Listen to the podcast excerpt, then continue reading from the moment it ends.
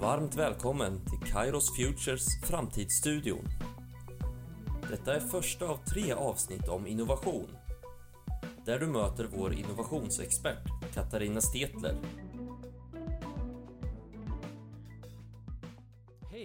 Varmt välkomna till Framtidsstudion. Jag heter Fredrik Thorberger och idag kommer vi borra kring innovation. Alla organisationer, privata såväl som offentliga, har behov av att utveckla sin verksamhet, hitta nya tjänsteprodukter, matcha medborgarnas krav och behov eller patienterna.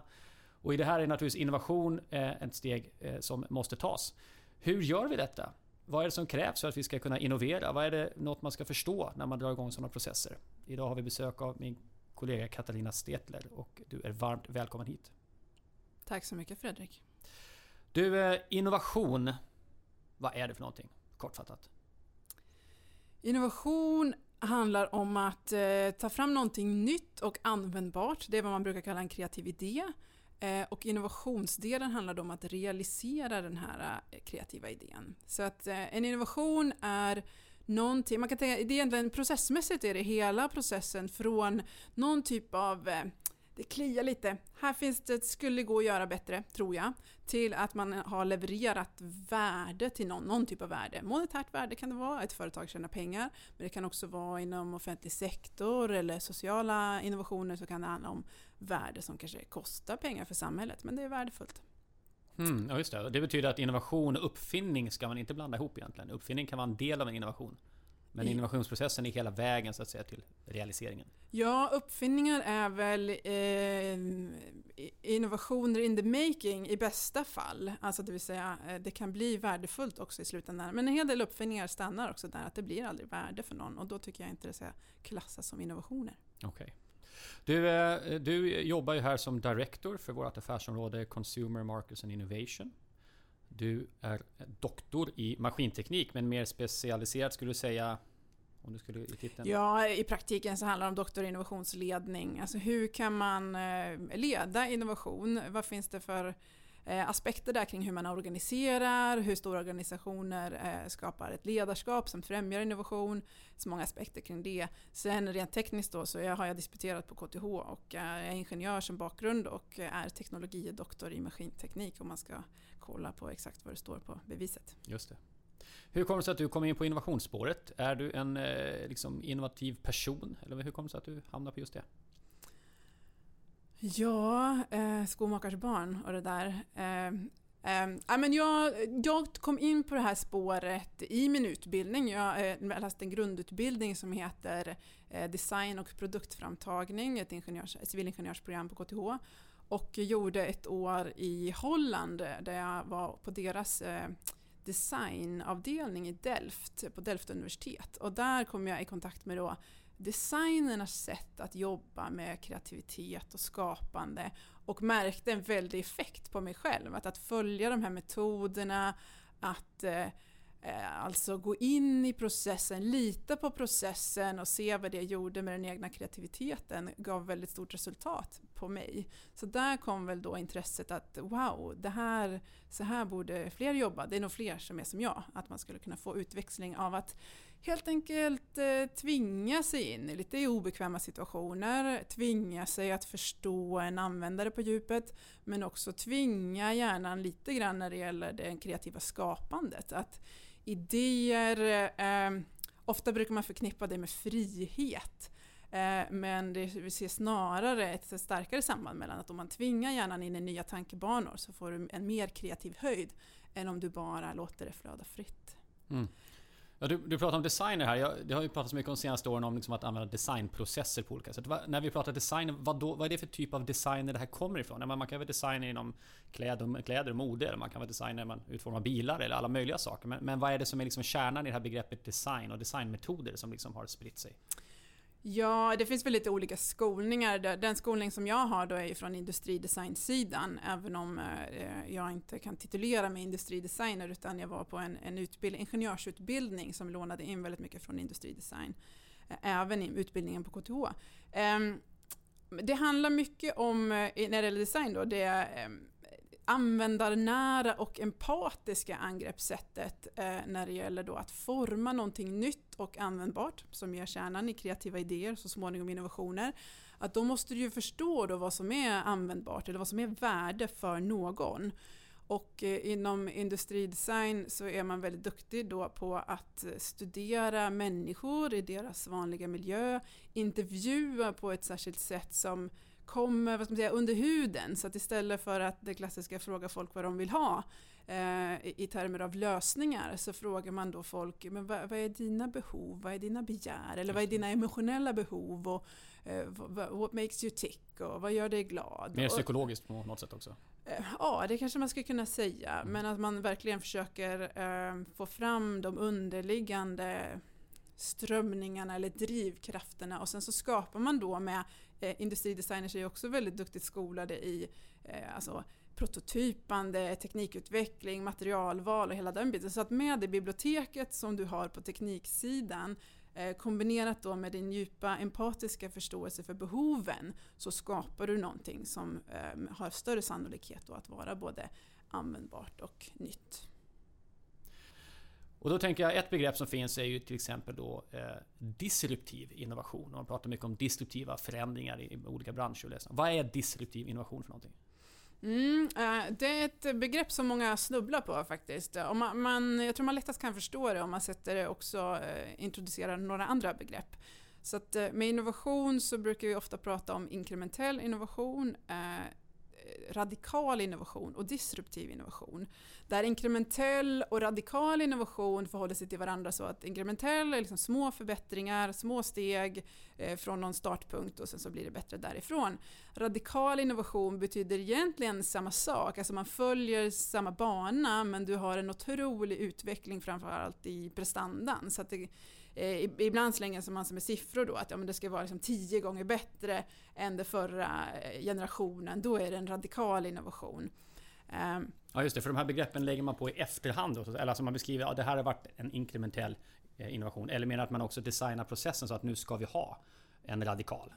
Ja, um, ja men låt oss komma tillbaka lite till mm. den och bara då mm. eh, först beskriva att alltså, disruptiv innovation då förhåller sig till de här två på ett lite annat sätt. Utan det handlar om Eh, Medan inkrementell och radikal så kan du kika på eh, själva lösningen, om det är en tjänst eller en produkt. Är den, har den följt en inkrementell eller disruptiv utveckling? Medan när det gäller eh, förlåt, inkrementell eller radikal utveckling, medan då en disruptiv utveckling, då behöver du kolla på marknadsrörelserna. Har Eh, har det skapats en ny marknad som tidigare inte fanns? Eller har det introducerats någon typ av lösning som förändrar logiken i den existerande marknaden så att den, de gamla reglerna inte längre gäller? Just det. Och, eh, så där behöver den egentligen, den nya lösningen inte alls likna den gamla. Den disruptiva lösningen behöver inte likna den som man då den som den har disruptat. Just det, den, den, kan bygga på att man har en helt ny förståelse av vad, vad kunderna egentligen ville ha. Och vissa ja. saker man gjorde förr kanske man inte behöver längre utan man plockar en annan del av behovet eller ett annat perspektiv på det och löser det på ett helt annat sätt. Ja, radikal innovation eh, händer ofta i stora bolag, de som mm. har muskler att investera i det. Eh, Medan disruptiv innovation kommer ofta från liksom, snett bakifrån. Det. Det så, från en spelare som är ny för branschen, mm. som har just det här andra sättet att tänka. Eh, och det är det kan ibland vara därför att de etablerade spelarna var, liksom hade skygglappar för den här förändringen, inte såg den komma. Men ännu troligare är att det beror på andra anledningar. Eh, och den vanligaste är kanske, jag vet inte om det är den vanligaste, men en vanlig anledning i alla fall är att den produkt du har, det, markna, det, det varumärke du har gjort dig, den mm. marknad du har byggt upp, de skulle aldrig acceptera den kassakvaliteten som den här marknadsförändraren, den disruptiva innovationen har. Aha. Eh, så du är liksom fången i att du kan inte hoppa på det spåret. Om man kollar då eh, Hasselblad till exempel ja. som eh, var första kameran på månen. Det var världens bästa kamera. Och man kan hitta på i det har gjorts intressant forskning här av en forskare som heter Christian Sandström som har gått tillbaka och kollat på styrelseprotokoll. Och han har alltså hittat att, att i styrelseprotokollet från 1981 där en enig styrelse på Hasselblad säger att framtiden för kameror är digital. Mm. Och 20 år senare hade de fortfarande inte lanserat. Därför Nej. att 20 år senare så var det fortfarande inte, alltså du kunde inte ens jämföra kvaliteten på en digital kamera och en riktigt bra analog kamera. fortfarande vid millennieskiftet. Det kom, kom ännu lite senare. Men menar du att alltså, disruptiva eh, innovationer tenderar till att egentligen sänka kvaliteten på, på eh, tjänsten eller upplevelsen för, för, konsumenten men den har så många andra värden att de ändå då, så här, får bärkraft? Det är det folk väljer ändå och så småningom kliver över till? Då. Precis. Ja. Forskaren eh, Clayton Christensen som har studerat och myntat begreppet disruptiv innovation studerade eh, hårddiskar och där såg man ju då att ja, men prestandan i de här, det var ju det man hade tävlat med. Det Just var det. där man hade kämpat med inkrementell innovation och i vissa fall också radikal innovation, gjort en ordentlig skjuts i just prestandavariabeln processorkraft. Mm. Eh, det som hände sen var att det då kom eh, nya lösningar som hade det lilla formatet de var mycket sämre när det gäller processorkraft och okay. hastighet. Mm. Men de hade det lilla formatet. Och det har vi sett, jag menar det kom lapt, ja, persondatorer hemma, det kom laptops, mobiltelefoner. Allt de här har ju, har ju byggt på storleken. Och eh, då har det funnits då en marknad eh, för någon att kliva på, kliva på det här nya teknikspåret i det här fallet då, eh, som hade det lilla formatet ganska mycket sämre processorkraft, men de var mycket, mycket mindre och det var det man ville åt. Alltså accepterade man då det här eh, formatet. Det där får man tänka på saker som jag iakttagit och funderat över. För jag kommer på 90-talet när man var ung. Då vill man gärna, eller vill jag gärna ha en stereo, så en, en liksom musikanläggning som var rätt. Och då var de ju liksom 46 mm breda så här, om man skulle ha en seriösa grej. Nu fanns det här midi också men det skulle man naturligtvis inte hålla på med om man var seriös. Och då köpte de här Technic liksom 46 mm.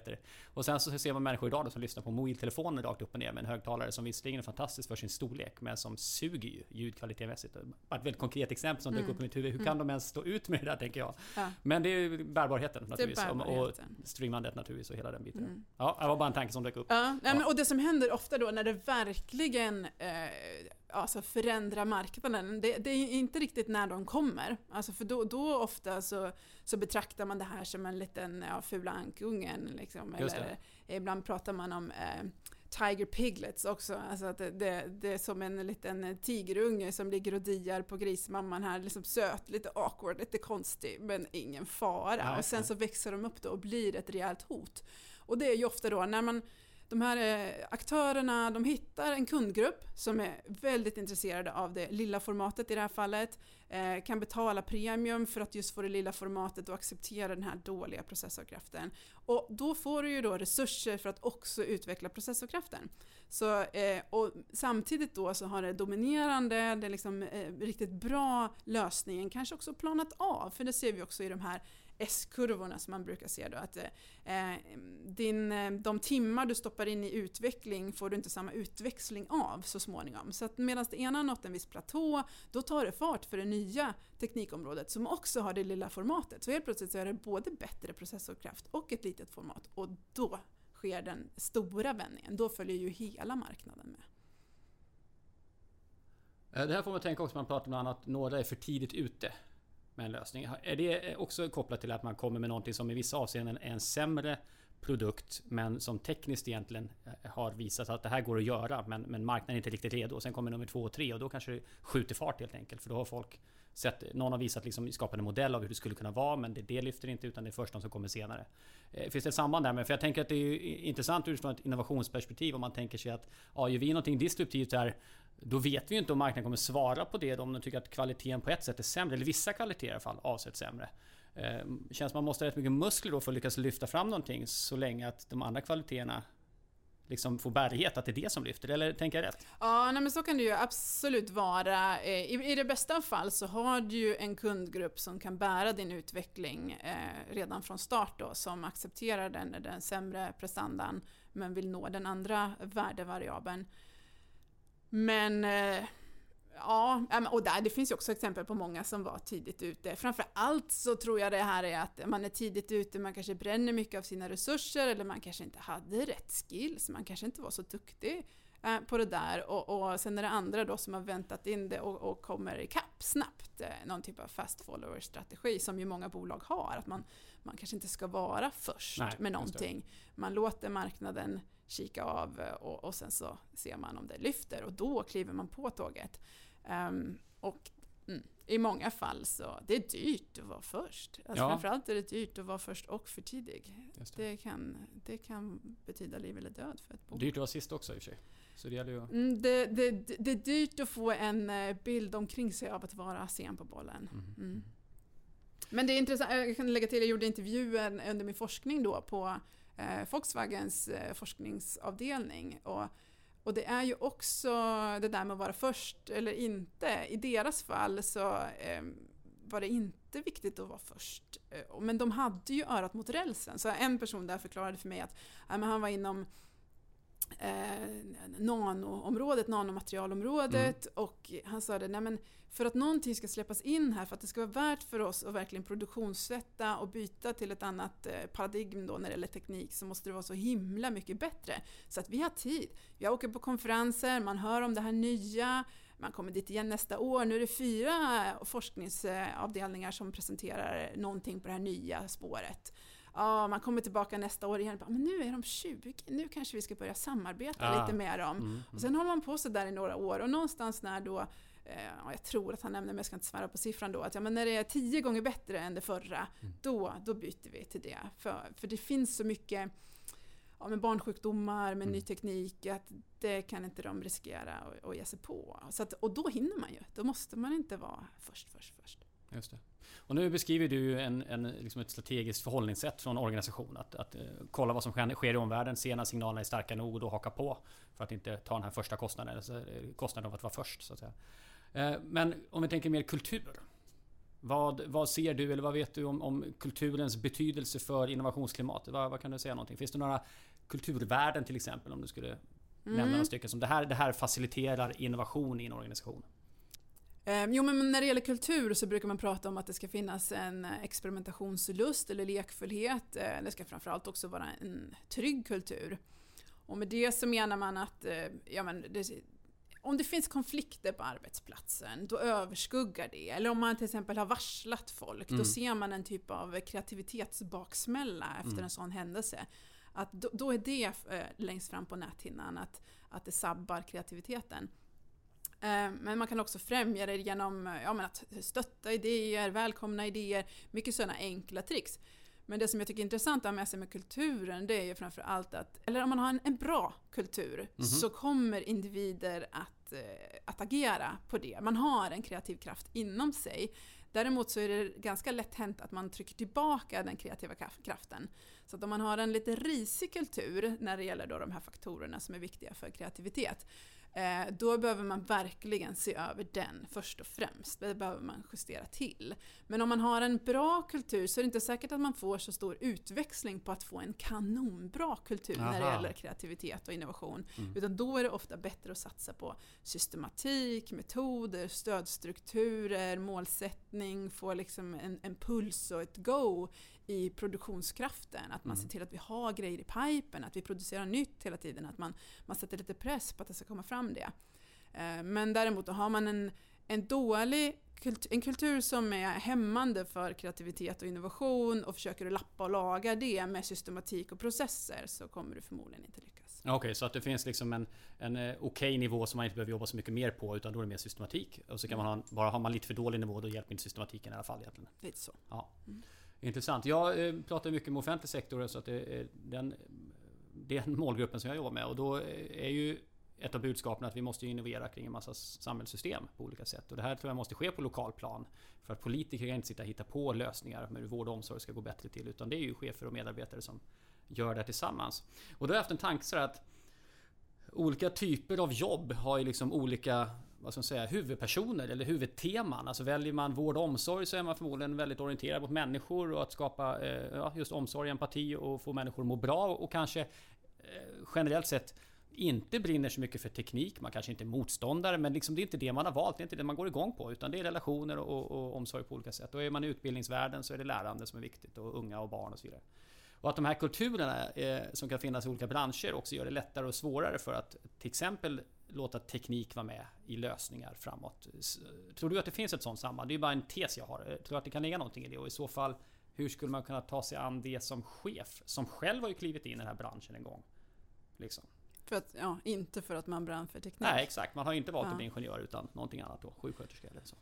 Ja, eh, två aspekter med det som jag tycker är högst relevant nu och det är dels att eh, tröskeln för att innovera med hjälp av teknik har blivit otroligt mycket lägre. Hur Så- menar du då? Ja, eh, ta exemplet med eh, en iPad. Ja. Eh, så att en iPad, du behöver ju inte ha utvecklat själva iPaden för att bygga tjänster ovanpå iPaden. ja, just det. Du behöver inte ha utvecklat själva iPaden för att nyttja den i ditt dagliga jobb. Och dessutom så kan man naturligtvis samarbeta då, men om du kanske måste utveckla något interface för att skapa den tjänst som du behöver, men köp in det. Mm. Det finns jättemycket underleverantörer och konsulter och olika slag som bara programmerar det åt dig. Det är inte gjort i en handvändning, det är inte det jag menar. Nej, nej. Men det finns hjälp att få och framför allt då om du tänker i de termerna, eh, och det här är ett intressant tankeexperiment. För 25 år sedan, den iPad som vi använder idag har alltså samma processorkraft som världens mest kraftfulla superdator hade för 25 år sedan. Oj. Så att i din hand, i, på den där paddan som ligger oanvänd på soffbordet, där ligger alltså det, det som du behövde liksom köpa, det allra dyraste, det bästa möjliga tillgängliga för 25 år sedan, som knappt gick att få loss för Mm. att få den processorkraften. Ja, men det ligger där och väntar på att bli använt. Mm. Så att bygg tjänsterna runt omkring, hela digitiseringen, alltså ta någonting från ett analogt format till ett digitalt format eller då att eh, ja, skapa tekniska hjälpmedel som man kan bygga tjänster ovanpå. Det är gjort. Ja, det kommer fortsätta också. Men jag Mm, menar, mm. det, det är så mycket gjort där som det behöver du inte göra. Det är inte den typen av tekniknivå som du behöver utan koncentrera dig på att bygga tjänsterna ovanpå. Och det andra är ju att man behöver verkligen bredda begreppet kring innovation. Alltså de, de flesta av oss tänker ju teknik eller produkter när vi pratar innovation. Eh, och även när jag träffar företag som själva skapar alltså, tjänster som inte är teknik, när man frågar dem vad de tänker på när de tänker innovation så är det ju produkter. Eh, men eh, det finns ett ramverk där som jag tycker är väldigt användbart eh, för att stretcha hjärnan lite när det är det här som heter 10 Types of Innovation eh, från eh, på doblin.com kan man hitta det. Som då är indelat tio olika typer av innovation i tre kategorier. Där den ena då är just produkt och produktsystem. De två typerna i den kategorin. Men sen de andra kategorierna är då ja, men det inre maskineriet och då handlar det om, om våra processer. Hur hanterar vi våra talanger? Ska vi utveckla nya karriärvägar så att de stannar längre? Eh, vilka andra bolag ska vi koppla upp oss mot och ha någon typ av partnerskap med? Hur är vi innovativa i det? Eh, så hela det inre maskineriet, där kan man också ha en massa innovationskraft. Och den tredje kategorin då, där det finns ett antal typer, handlar då om eh, ja, upplevelsen av att interagera med vår organisation. Hur möter vi våra kunder? Vad har vi för interface? Hur ser en butik ut? Hur, vilka kanaler når vi ut med reklam? Kundresan. Eh, kundresan, hela den biten, alla tjänster vi bygger omkring våra produkter, om man har produkter.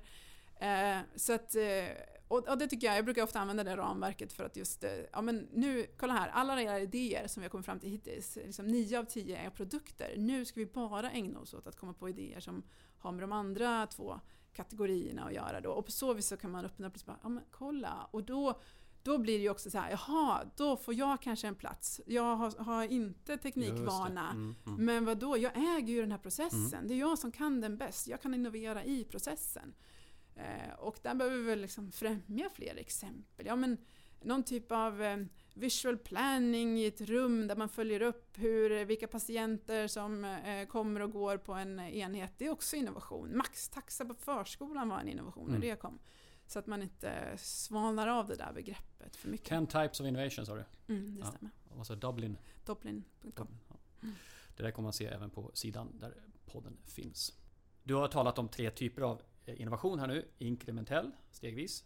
Radikal och sen disruptiv innovation. Och vi har pratat om det utifrån ett liksom, inifrån perspektiv hur man som organisation kan jobba med de här sakerna. Men eh, verkligheten är ju ofta sån att vi snarare blir så att säga, utsatta för omvärldens eller andra aktörers disruptiva innovation. Eh, vad kan man tänka på där för att hantera det? Ja, och, och det är väl en av de allra svåraste sakerna att hantera när det gäller innovation. Det, det är verkligen ingen barnlek. Och om man kollar då eh, Alltså det, man kan säga att det finns eh, fyra olika eh, utfall när man då hamnar i ett sånt här turbulent skede när marknaden eh, disruptas. eh, marknaden förändras av någon ny disruptiv innovation som förs in. Vad kan då hända? Ja, men dels så kan man ha det här scenariot då som Hasselblad hade, där man ser förändringen komma. Man eh, slår fast i styrelsen att det här, det är så framtiden kommer se ut. Man vet att det sker och ändå känner ändå då är fast i sitt gamla paradigm för man har så kräsna kunder. Man kan helt enkelt inte flytta sig. Nu har Hasselblad, även om de har gått igenom en väldigt tuff period, de började tidigt investera i den digitala tekniken och eh, har haft eh, liksom ganska lönsamma systerbolag och eh, överlevt på det viset då. Eh, men man har inte satt Hasselblads loggan på det. Så att säga. Och nu har man ju digitala egna, egna kameror. Mm. Eh, men sen så kan man ju också vara, om man tar ett annat berömt exempel när det gäller disruptiv innovation så är det ju då exemplet exempel med Facit som gjorde mekaniska räknare. Man var verkligen, domi alltså man dominerade den marknaden globalt. Eh, Eh, och även där så såg man relativt tidigt att de digitala räknarna kom. Och man, jo, man tecknade ett avtal med en japansk tillverkare och kunde ju då nyttja sina egna säljled, sin egen säljorganisation med att nå ut även med den nya produkten. Men till slut så såg väl det här japanska bolaget lite grann, vad ska vi med de här till? Mm. Vi, vi har ju en mycket bättre position, så då bröt de det avtalet. Och facit står där utan digital räknare med väldigt många anställda och eh, kan inte ta sig igenom det här och går till slut i konkurs. Men det man ska ha med sig då det är ju att dels gick den här förändringen otroligt, otroligt snabbt. Och tänkte jag då, då har du en, en hel organisation med ett antal hundra eh, ja, mekanikingenjörer. Mm. Du har en produktion som är riggad för att producera just den här tekniken. Vad ska du göra mm, med alla dem? Mm. Det är inte något man avvecklar på tre år. Nej, och lägger man till lite av bilden om jag inte eh, har felunderrättat så att säga. Facit låg i Åtvidaberg och dominerade mm. väl sannolikt arbetsmarknaden där enormt. Alltså var ju en lokal aktör med enormt ja. inflytande. Och det är enorma konsekvenser att ställa om sig fort och, och vad man gör med folk. Och Verkligen. påverkar hela bygden. Ja. Så att säga. Mm. Lycka till med att locka elektronikingenjörer dit på 60-talet. Ja, ja.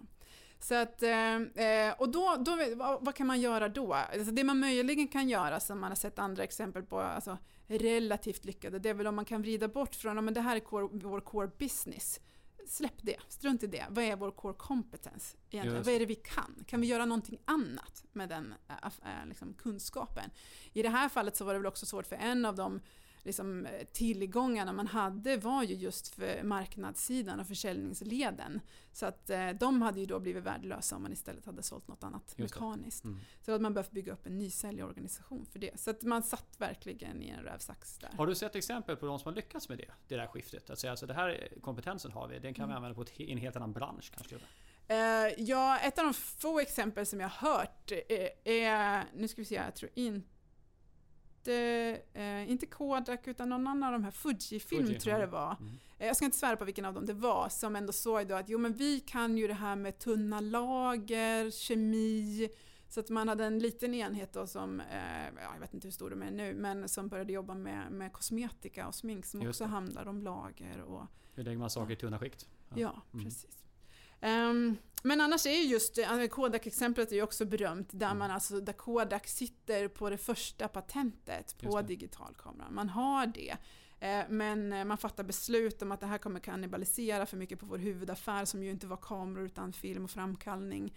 Ehm, eh, så att man lägger helt enkelt ner det projektet efter visserligen man, fatt, man tar patentet. Så man mm. har ju tjänat väldigt mycket pengar på det patentet. Mm eh, tills det gick ut då, eh, tills man inte längre kunde hålla, det. hålla det, som, ja, kunde licensiera på det patentet. Mm. Och till slut så gick man i konkurs. Eh, men, men det är väl också ett sånt eh, läge som vissa gör, att man helt enkelt man skräms av man ser att det här kommer kannibalisera för mycket på vår verksamhet, så låt oss bara klippa det. Den fjärde varianten är att man helt enkelt inte ser det. Just det.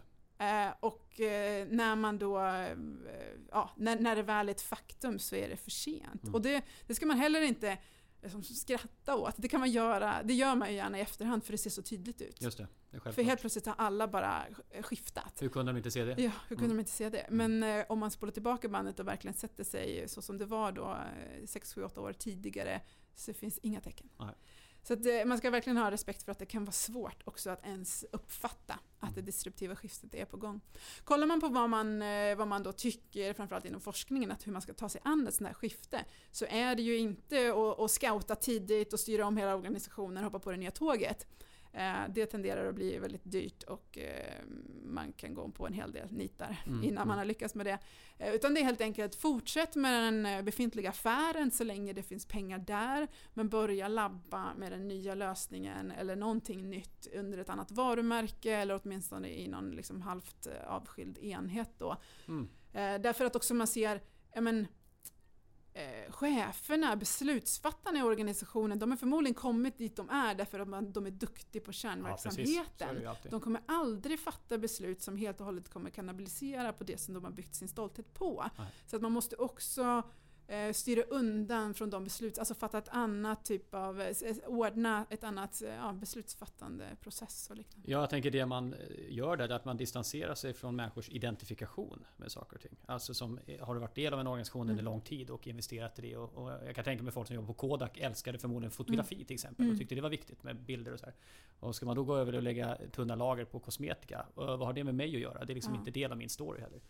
Eh, Jag möter ju eh, idéburna organisationer, jag jobbar med medlemsorganisationer och en del av dem har ju varit väldigt framgångsrika som innovatörerna i fackförbunden till exempel som innoverade liksom en ny maktbalans kan man säga mellan arbet, arbetare och arbetsgivare. Och var ju så framgångsrika så att samhället har ju liksom anpassat sig efter det. Och att eh, där är en utmaning när man har varit väldigt, väldigt framgångsrik. Hur får man organisationer att kännas relevanta när skiftet har skett Mm. i det här fallet. Och hur får vi människor att tycka det är viktigt att mobilisera sig? Vad ska de mobiliseras för? Vi har det, det, det är ju redan på plats på något vis. Liksom.